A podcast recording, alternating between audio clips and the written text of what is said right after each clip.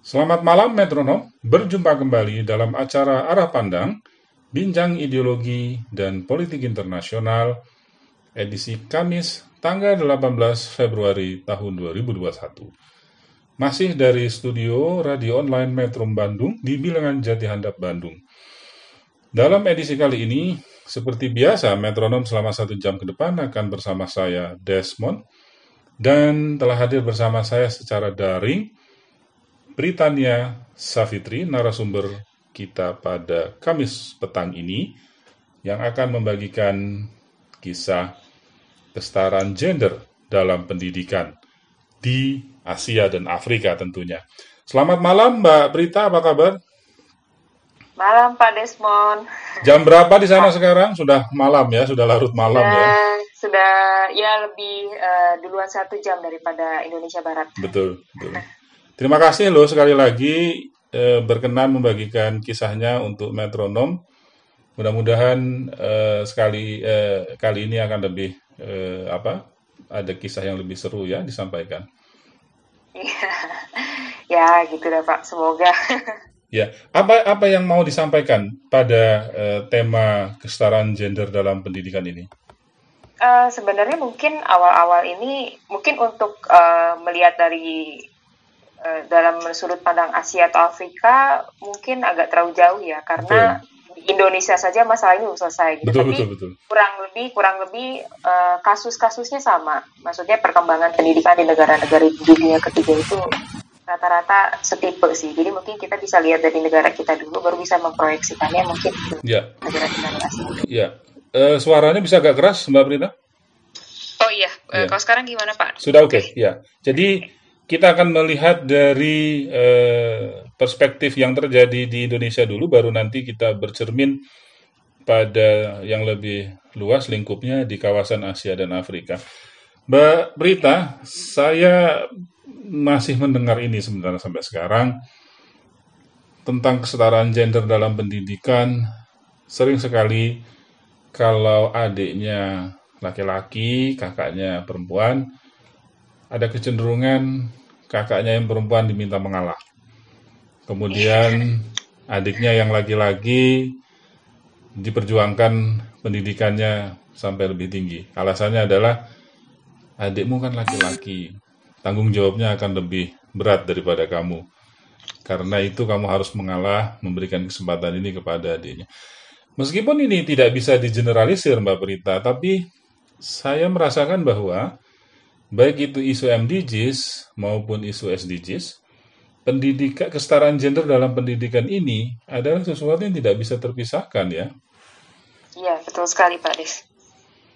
Dan rasanya tidak adil ya kalau misalnya pembangunan sebuah negara ya, pembangunan nasional keterlibatan perempuan dalam uh, partisip, tingkat partisipasi perempuan dalam pendidikan tidak setara dalam dalam apa? dalam kacamata gender tentu akan sangat merugikan menurut saya untuk mencapai proses pembangunan nasional yang diharapkan karena ada satu kelompok yang tidak terlibat. Iya, betul sekali Pak, betul sekali. Poin-poin apa saja selain itu yang mau dibagikan ke metronom pada malam ini? Mungkin saya pertama akan bahas tentang uh, perkembangan pendidikan Indonesia dulu secara general dan bagaimana peran-peran perempuan di dalamnya Lalu mungkin kita bisa langsung pindah ke aspek-aspek penting dalam pendidikan yeah, yang yeah. mungkin ya beberapa memang uh, tidak begitu bukan prioritas lah gitu. Yeah. Salah satunya adalah uh, kesetaraan gender. Iya, iya, iya. Baik, metronom eh, pengantar dari Mbak Prita tadi saya pikir sudah cukup menggugah rasa ingin tahu kita untuk melihat lebih jauh bahwa ada masalah besar di balik kesetaraan gender dalam pendidikan yang kadang-kadang kurang menjadi hirauan bagi kita. Tentu kita akan mendengarkan lebih jelas pada sesi kedua nanti, masih bersama narasumber kita, Britania Safitri. Metronom untuk mendengarkan siaran radio Metrum, kami ingatkan bahwa Metronom dapat mengunduh aplikasi Android Metrum Radio di Play Store Metronom pada tautan bit.ly slash Metrum Radio satu aplikasi menjelajah berbagai platform. Bagi pengguna perangkat Apple, dapat menyimak program arah pandang melalui App Store Online, Radio Box, Radiosnet, atau Radio.net. Atau bisa juga metronom menyimak talk show ideologi dan politik internasional ini melalui bit.ly slash webmetrum pada laman situs metrum.co.id atau melalui Radio Garden bit.ly slash atau melalui aplikasi radio lainnya gunakan saja kata kunci Metrum Radio. Metronom dapat mendengarkan ulang rekaman talk show berupa podcast di beberapa aplikasi podcast bagi pengguna perangkat Android maupun Apple, gunakan saja kata kunci Metro Radio. Baik metronom, kita akan jeda sebentar dan bertemu kembali pada sesi kedua. Metrums Radio Media terintegrasi kaum muda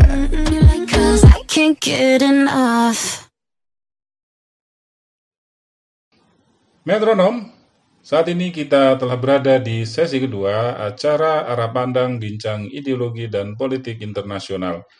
Masih bersama narasumber kita Mbak Prita dengan tema kesetaraan gender dalam pendidikan. Silakan Mbak. Ya, uh, halo Pak. Ya. Ya, silakan. Oke, jadi mungkin saya pertama mungkin akan bahas perkembangan pendidikan Indonesia dulu secara general, nggak mhm. spesifik, mm -hmm. supaya ada gambaran awal aja. Mm -hmm. Mungkin kalau kita ngomongin sejarah lagi, mm -hmm. kita bisa merujuk ke pembukaan Undang-Undang Dasar 45. Yeah.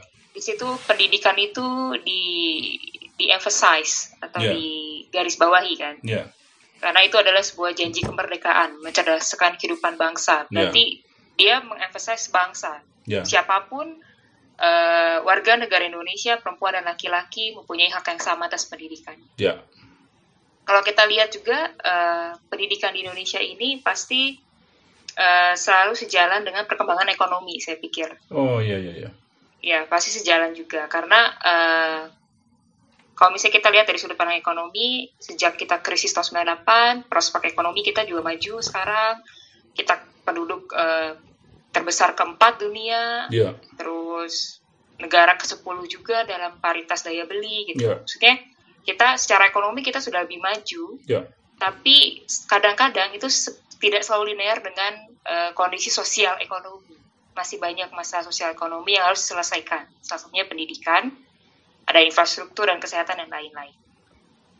Jadi yeah, kalau misalnya dibandingkan dengan perkembangan ekonomi itu Human Development Index kita juga nggak begitu tinggi ya Pak, cuma yeah. berapa saya baca kemarin gitu. Mm -hmm. Pokoknya urutan keseratusan dari 100 negara juga gitu. Mm -hmm. uh, sebenarnya kalau kita ngomongin pendidikan dengan perempuan, dari dulu perempuan itu menjadi warga kelas 2 kalau dalam urusan pendidikan dari zaman kolonial tentunya kita mm. tahu perjuangannya Kartini kita tahu perjuangan Dewi Sartika se, se struggle itu mereka untuk uh, supaya perempuan bisa dapat pendidikan juga gitu, mm -hmm. at least bisa baca tulis gitu. Tapi sebenarnya saya melihat perkembangan ini menarik karena setelah kemerdekaan ini uh, perempuan itu mulai mulai bisa berekspresi, mulai bisa apa uh, sharing apa pendapat mereka, pemikiran mereka. Betul. Dulu juga ada gerwani gitu, maksudnya mereka punya komunitas-komunitas menjadi safe zone mereka untuk berkembang gitu. Yeah. Cuma setelah Orde Baru, narasi-narasi uh, perempuan dan pendidikan ini malah dipersempit lagi menjadi cuma ranah domestik aja gitu. Mm -hmm. Jadi balik lagi malah gitu. Mm -hmm. Dan setelah reformasi kita perempuan kembali lagi gitu. Dan tapi ya karena memang direpresi bertahun-tahun jadi mungkin butuh waktu untuk uh, untuk setara lagi gitu. Hmm. Kalau kita ngomongin pendidikan, mungkin masalah pendidikan secara umum ya di Indonesia ini yang kelihatan itu yang jelas kualitas pendidikan ini masih rendah, masih hmm. belum merata. Yang di hmm. kota dan di desa belum ada. Hmm.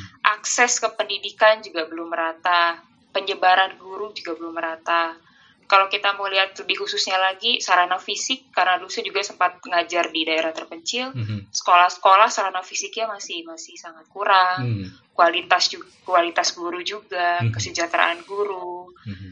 terus uh, juga yang menarik adalah relevansi pendidikan dengan kebutuhan di daerah itu sama sekali rendah sangat sangat rendah tahan dulu ya. nih mbak Berita relevansi pendidikan dengan kebutuhan daerah itu, itu rendah. ada ada itu kesen, rendah. rendah. Oh gitu. Ya lanjut dulu, lanjut dulu.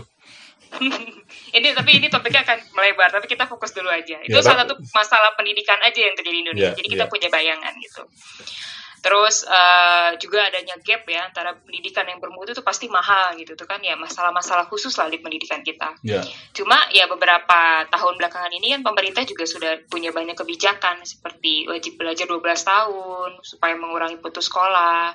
Ada juga penguatan berbagai uh, elemen-elemen pendidikan siswa, guru, orang tua dan lain-lain kemarin ada sistem zonasi, Ya. ada sistem kelola yang lebih akuntabel juga sekarang udah lebih baik.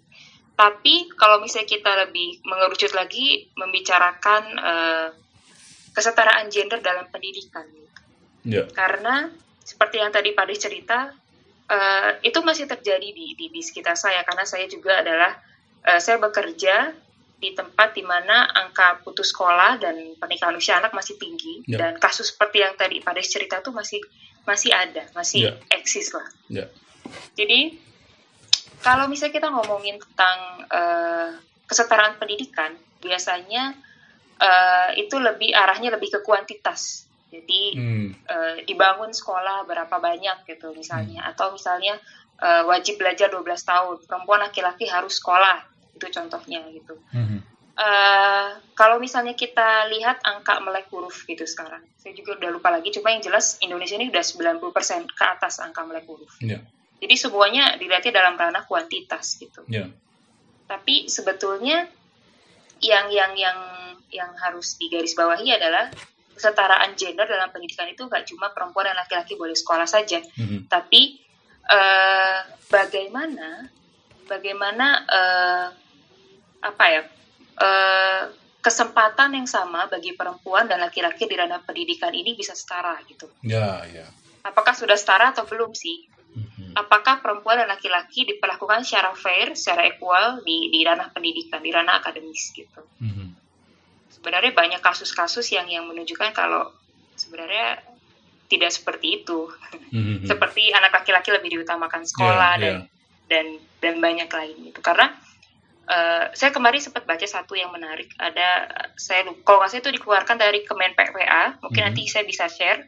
Jadi perempuan di Indonesia di atas usia 15 tahun Mhm. ini eh, artikel bukan artikel jadi semacam eh, port apa ya research ya yang Ya. dikeluarkan tahun 2019 perempuan Indonesia di atas usia 15 tahun di kota di perkotaan loh Pak Des Ya. rata-rata sekolahnya itu cuma sampai kelas 1 SMA saja Tuh. Di Perempuan perkotaan, tingkat di kotaan. partisipasi perempuan hanya sampai kelas 1 SMA rata-rata. ya rata-rata sekolah hanya sampai kelas 1 SMA di atas 15 tahun pada tahun 2019 sedangkan di desa hanya sampai kelas 6 SD paling sampai kelas 1 SMP Kita kehilangan generasi perempuan banyak sekali ya tadi dari SMP Iya. SMA. Dan ini juga ada satu lagi saya eh, lupa, aduh saya harusnya kasih source ya. Coba eh, kalau tidak salah itu juga masih kerjasama dengan Kemen PPA tapi penelitiannya dari luar.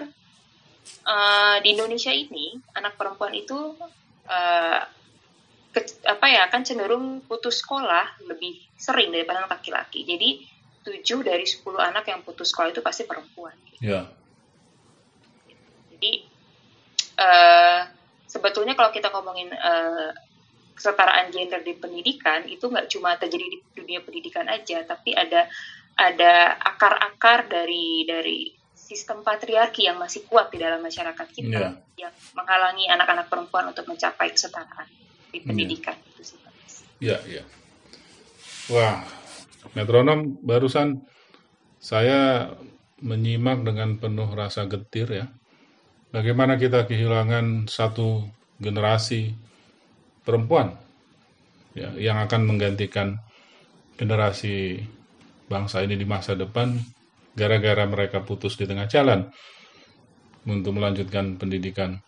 Baik, eh, kalau misalnya kita lihat dari beberapa hal yang tadi sudah disampaikan, mana yang paling besar pengaruhnya terhadap eh, susahnya melanjutkan pendidikan eh, tahap da- eh, tingkat dasar bagi perempuan? Apakah variabel sistem patriarki atau variabel pengaruh tingkat ekonomi yang paling berpengaruh terhadap eh, keberlangsungan pendidikan perempuan?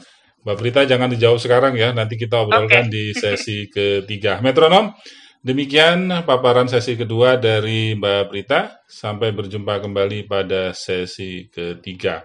Jangan ke mana-mana, sampai jumpa di sesi ketiga. Metrums Radio, media terintegrasi kaum muda.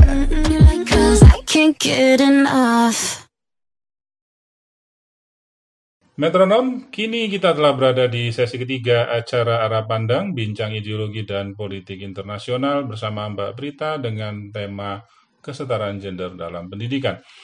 Mbak Prita menyambung pada pembahasan di sesi kedua tadi. Antara dua variabel itu sebenarnya mana yang paling berpengaruh terhadap tingkat partisipasi pendidikan perempuan di Indonesia? Silakan Mbak Prita.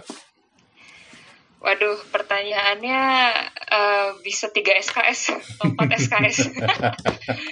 Aduh, nggak bercanda, bercanda. Cuma memang apa ya, eh, banyak banyak banyak faktor dan kita nggak bisa menarik satu faktor ini nih, ini yang paling berpengaruh, ini yang enggak karena setiap daerah kita ini kan sangat sangat diverse ya, Ya, masyarakat kita ini ya. setiap daerah. Yes, betul.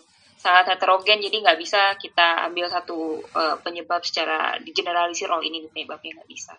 Tapi mungkin ada beberapa penyebab yang yang memang eh, umum terjadi sebagai penyebab eh, rendahnya tingkat pendidikan perempuan di Indonesia dan mungkin juga di negara-negara di Asia dan Afrika karena pattern atau pola itu selalu mirip lah biasanya. Ya, Oke, jadi eh, yang pertama itu jelas faktor ekonomi.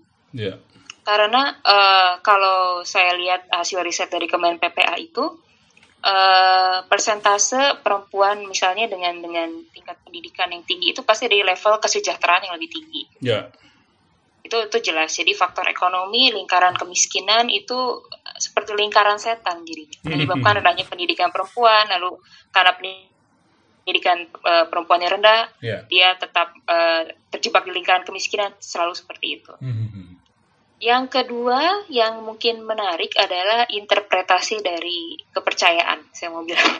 Ya, ya, ya. Anda sangat berhati-hati sekali ini menyebutkan istilahnya. Memang sangat sensitif ya berbicara yang kedua ini. Iya, mungkin saya nggak akan bahas lebih lanjut, jadi biarkan ini eh, di, dijadikan renungan sendiri aja untuk kita Ya, ya. semua. Karena eh, pasti eh, itu turut juga berkontribusi ke tingkat pendidikan perempuan. Ya, dan saya nggak merujuk ke kepercayaan mana tapi setiap kepercayaan yang yang karena yang masih eh, apa ada ada eh, menganut apa ya eh, budaya patriarki di situ pasti banyak interpretasi-interpretasi yang yang mengarah ke situ juga. Ya, ya begitulah. Ya, ya, ya.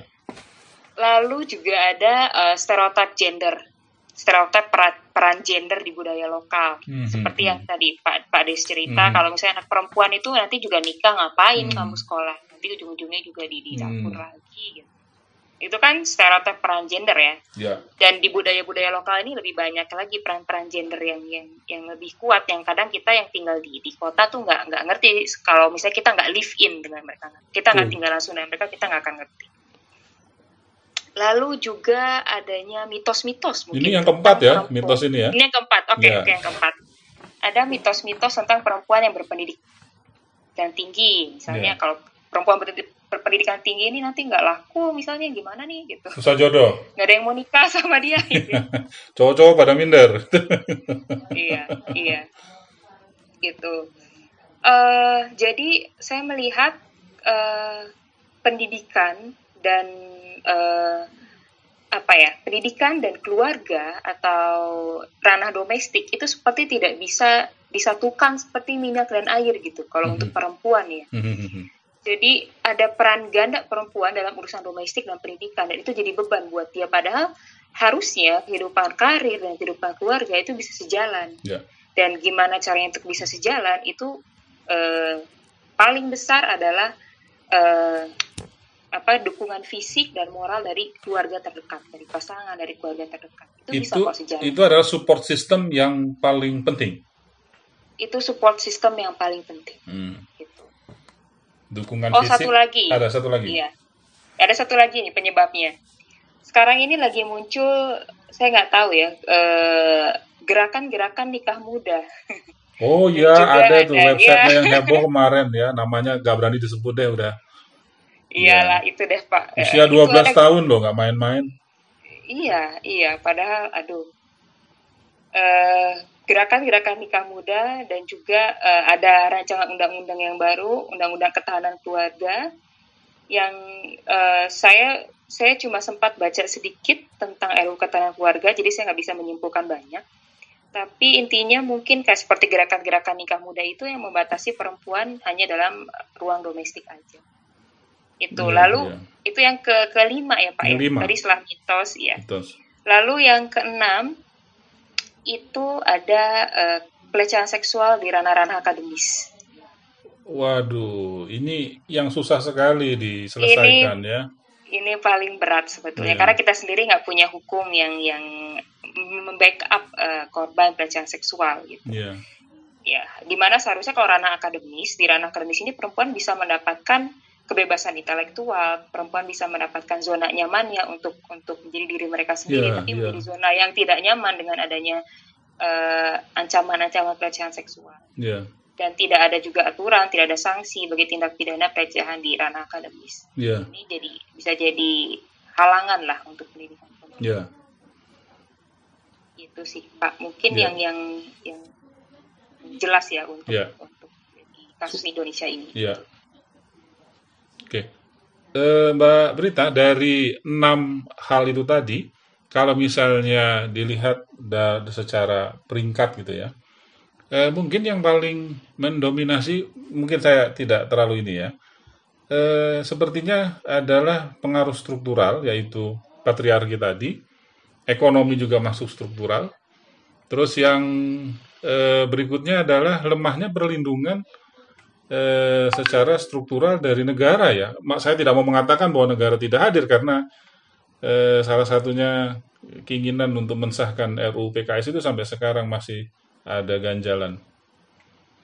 Iya, betul, betul Pak, betul sekali.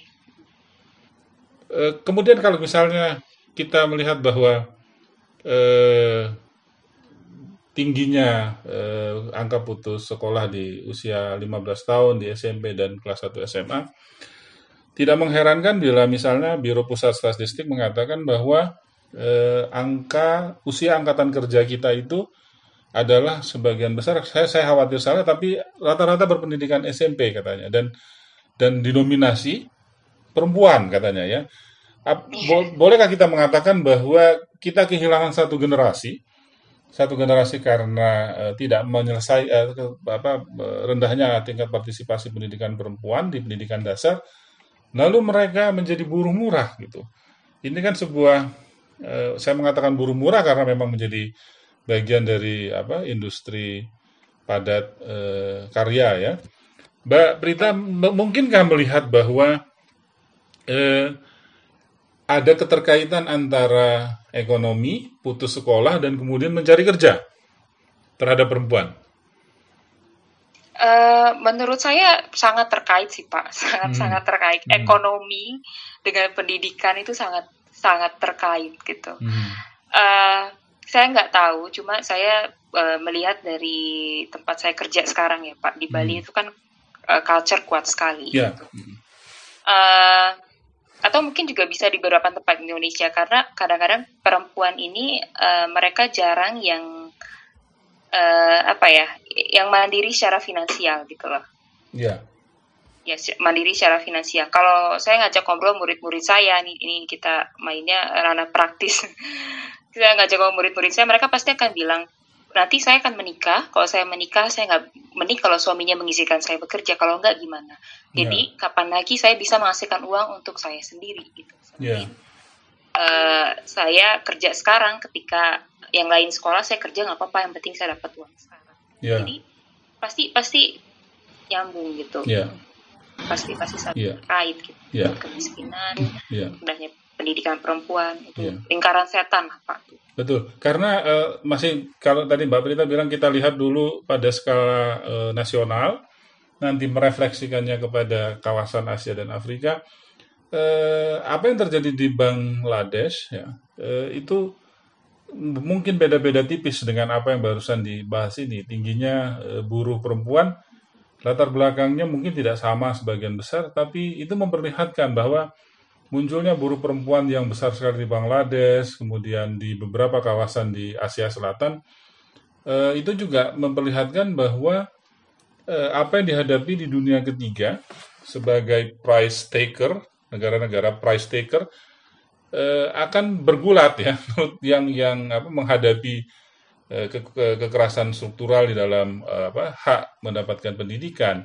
Dan kalau kita melihat pada penjelasan Mbak Prita tadi memang tidak bisa disamaratakan tetapi itu mencerminkan bahwa hampir sebagian besar negara di dunia ketiga yang memiliki karakteristik price taker mengalami hal serupa terutama terhadap eh, tingkat partisipasi pendidikan perempuan. Mbak Prita kita cukupkan sampai di sini dulu. Nanti kita masuk ke sesi keempat.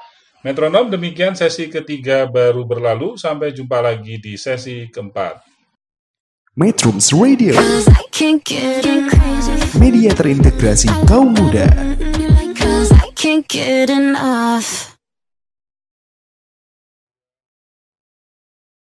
Metronom, tibalah kita di penghujung acara Arah Pandang, Bincang Ideologi dan Politik Internasional. Ini adalah sesi keempat, berarti kita tiba di sesi pamungkas. Mbak Prita, silahkan bagi eh, apa yang akan dibagikan pada sesi penghujung ini. Eh, paling saya cuma mau eh, apa ya patah dua patah kata aja gitu. Mhm. Jadi eh, kadang di pendidikan nggak kadang sih, sering kali eh, kita eh, tidak memandang eh, secara serius tentang kesetaraan gender. Padahal ini merupakan aspek penting dalam pendidikan. Ya, Meskipun mungkin seolah bukan bukan prioritas gitu. ya, Padahal sebenarnya kalau kita bicara tentang perempuan, perempuan tuh punya peran dan fungsi yang sangat strategis dalam keluarga dan masyarakat. ya, Tapi kalau misalnya kita lihat sekarang, karena tidak pendidik, kesetaraan gender di pendidikan tidak dianggap serius, jadi perempuan ini kurang bisa mengembangkan peran dan fungsi tersebut. ya, Balik lagi karena ada faktor kemiskinan juga diperparah dengan eh, kondisi sosial budaya dan membuat pendidikan mereka jadi eh, terbatas. ya, Eh, padahal sebetulnya kesetaraan gender di pendidikan ini dia outcome-nya itu tidak cuma hanya dalam ranah pendidikan saja. gitu. Jadi eh, tapi juga akan terbawa sampai ke kehidupan sosial mereka ya, ya, gitu. Karena semua itu startnya dari dari pendidikan gitu. Kalau Hmm. misalnya kita lihat sekarang eh, apa ya pendekatan metode pembelajaran itu di sekolah-sekolah itu masih masih bias gender lah istilahnya. Ya, jadi eh, contoh saya pernah lihat itu apa kalau misalnya ada gambar untuk anak-anak SD, misalnya bapak membaca koran, ibu memasak, atau Oh, iya, misalnya iya, iya. ketika yang kayak gitu kan, maksudnya itu Iya. sangat bias gender. Atau misalnya ada eh, gambar anak bertanya, terus ada yang menjawab, yang bertanya itu pasti perempuan, yang jawab itu pasti laki-laki, yang kayak gitu.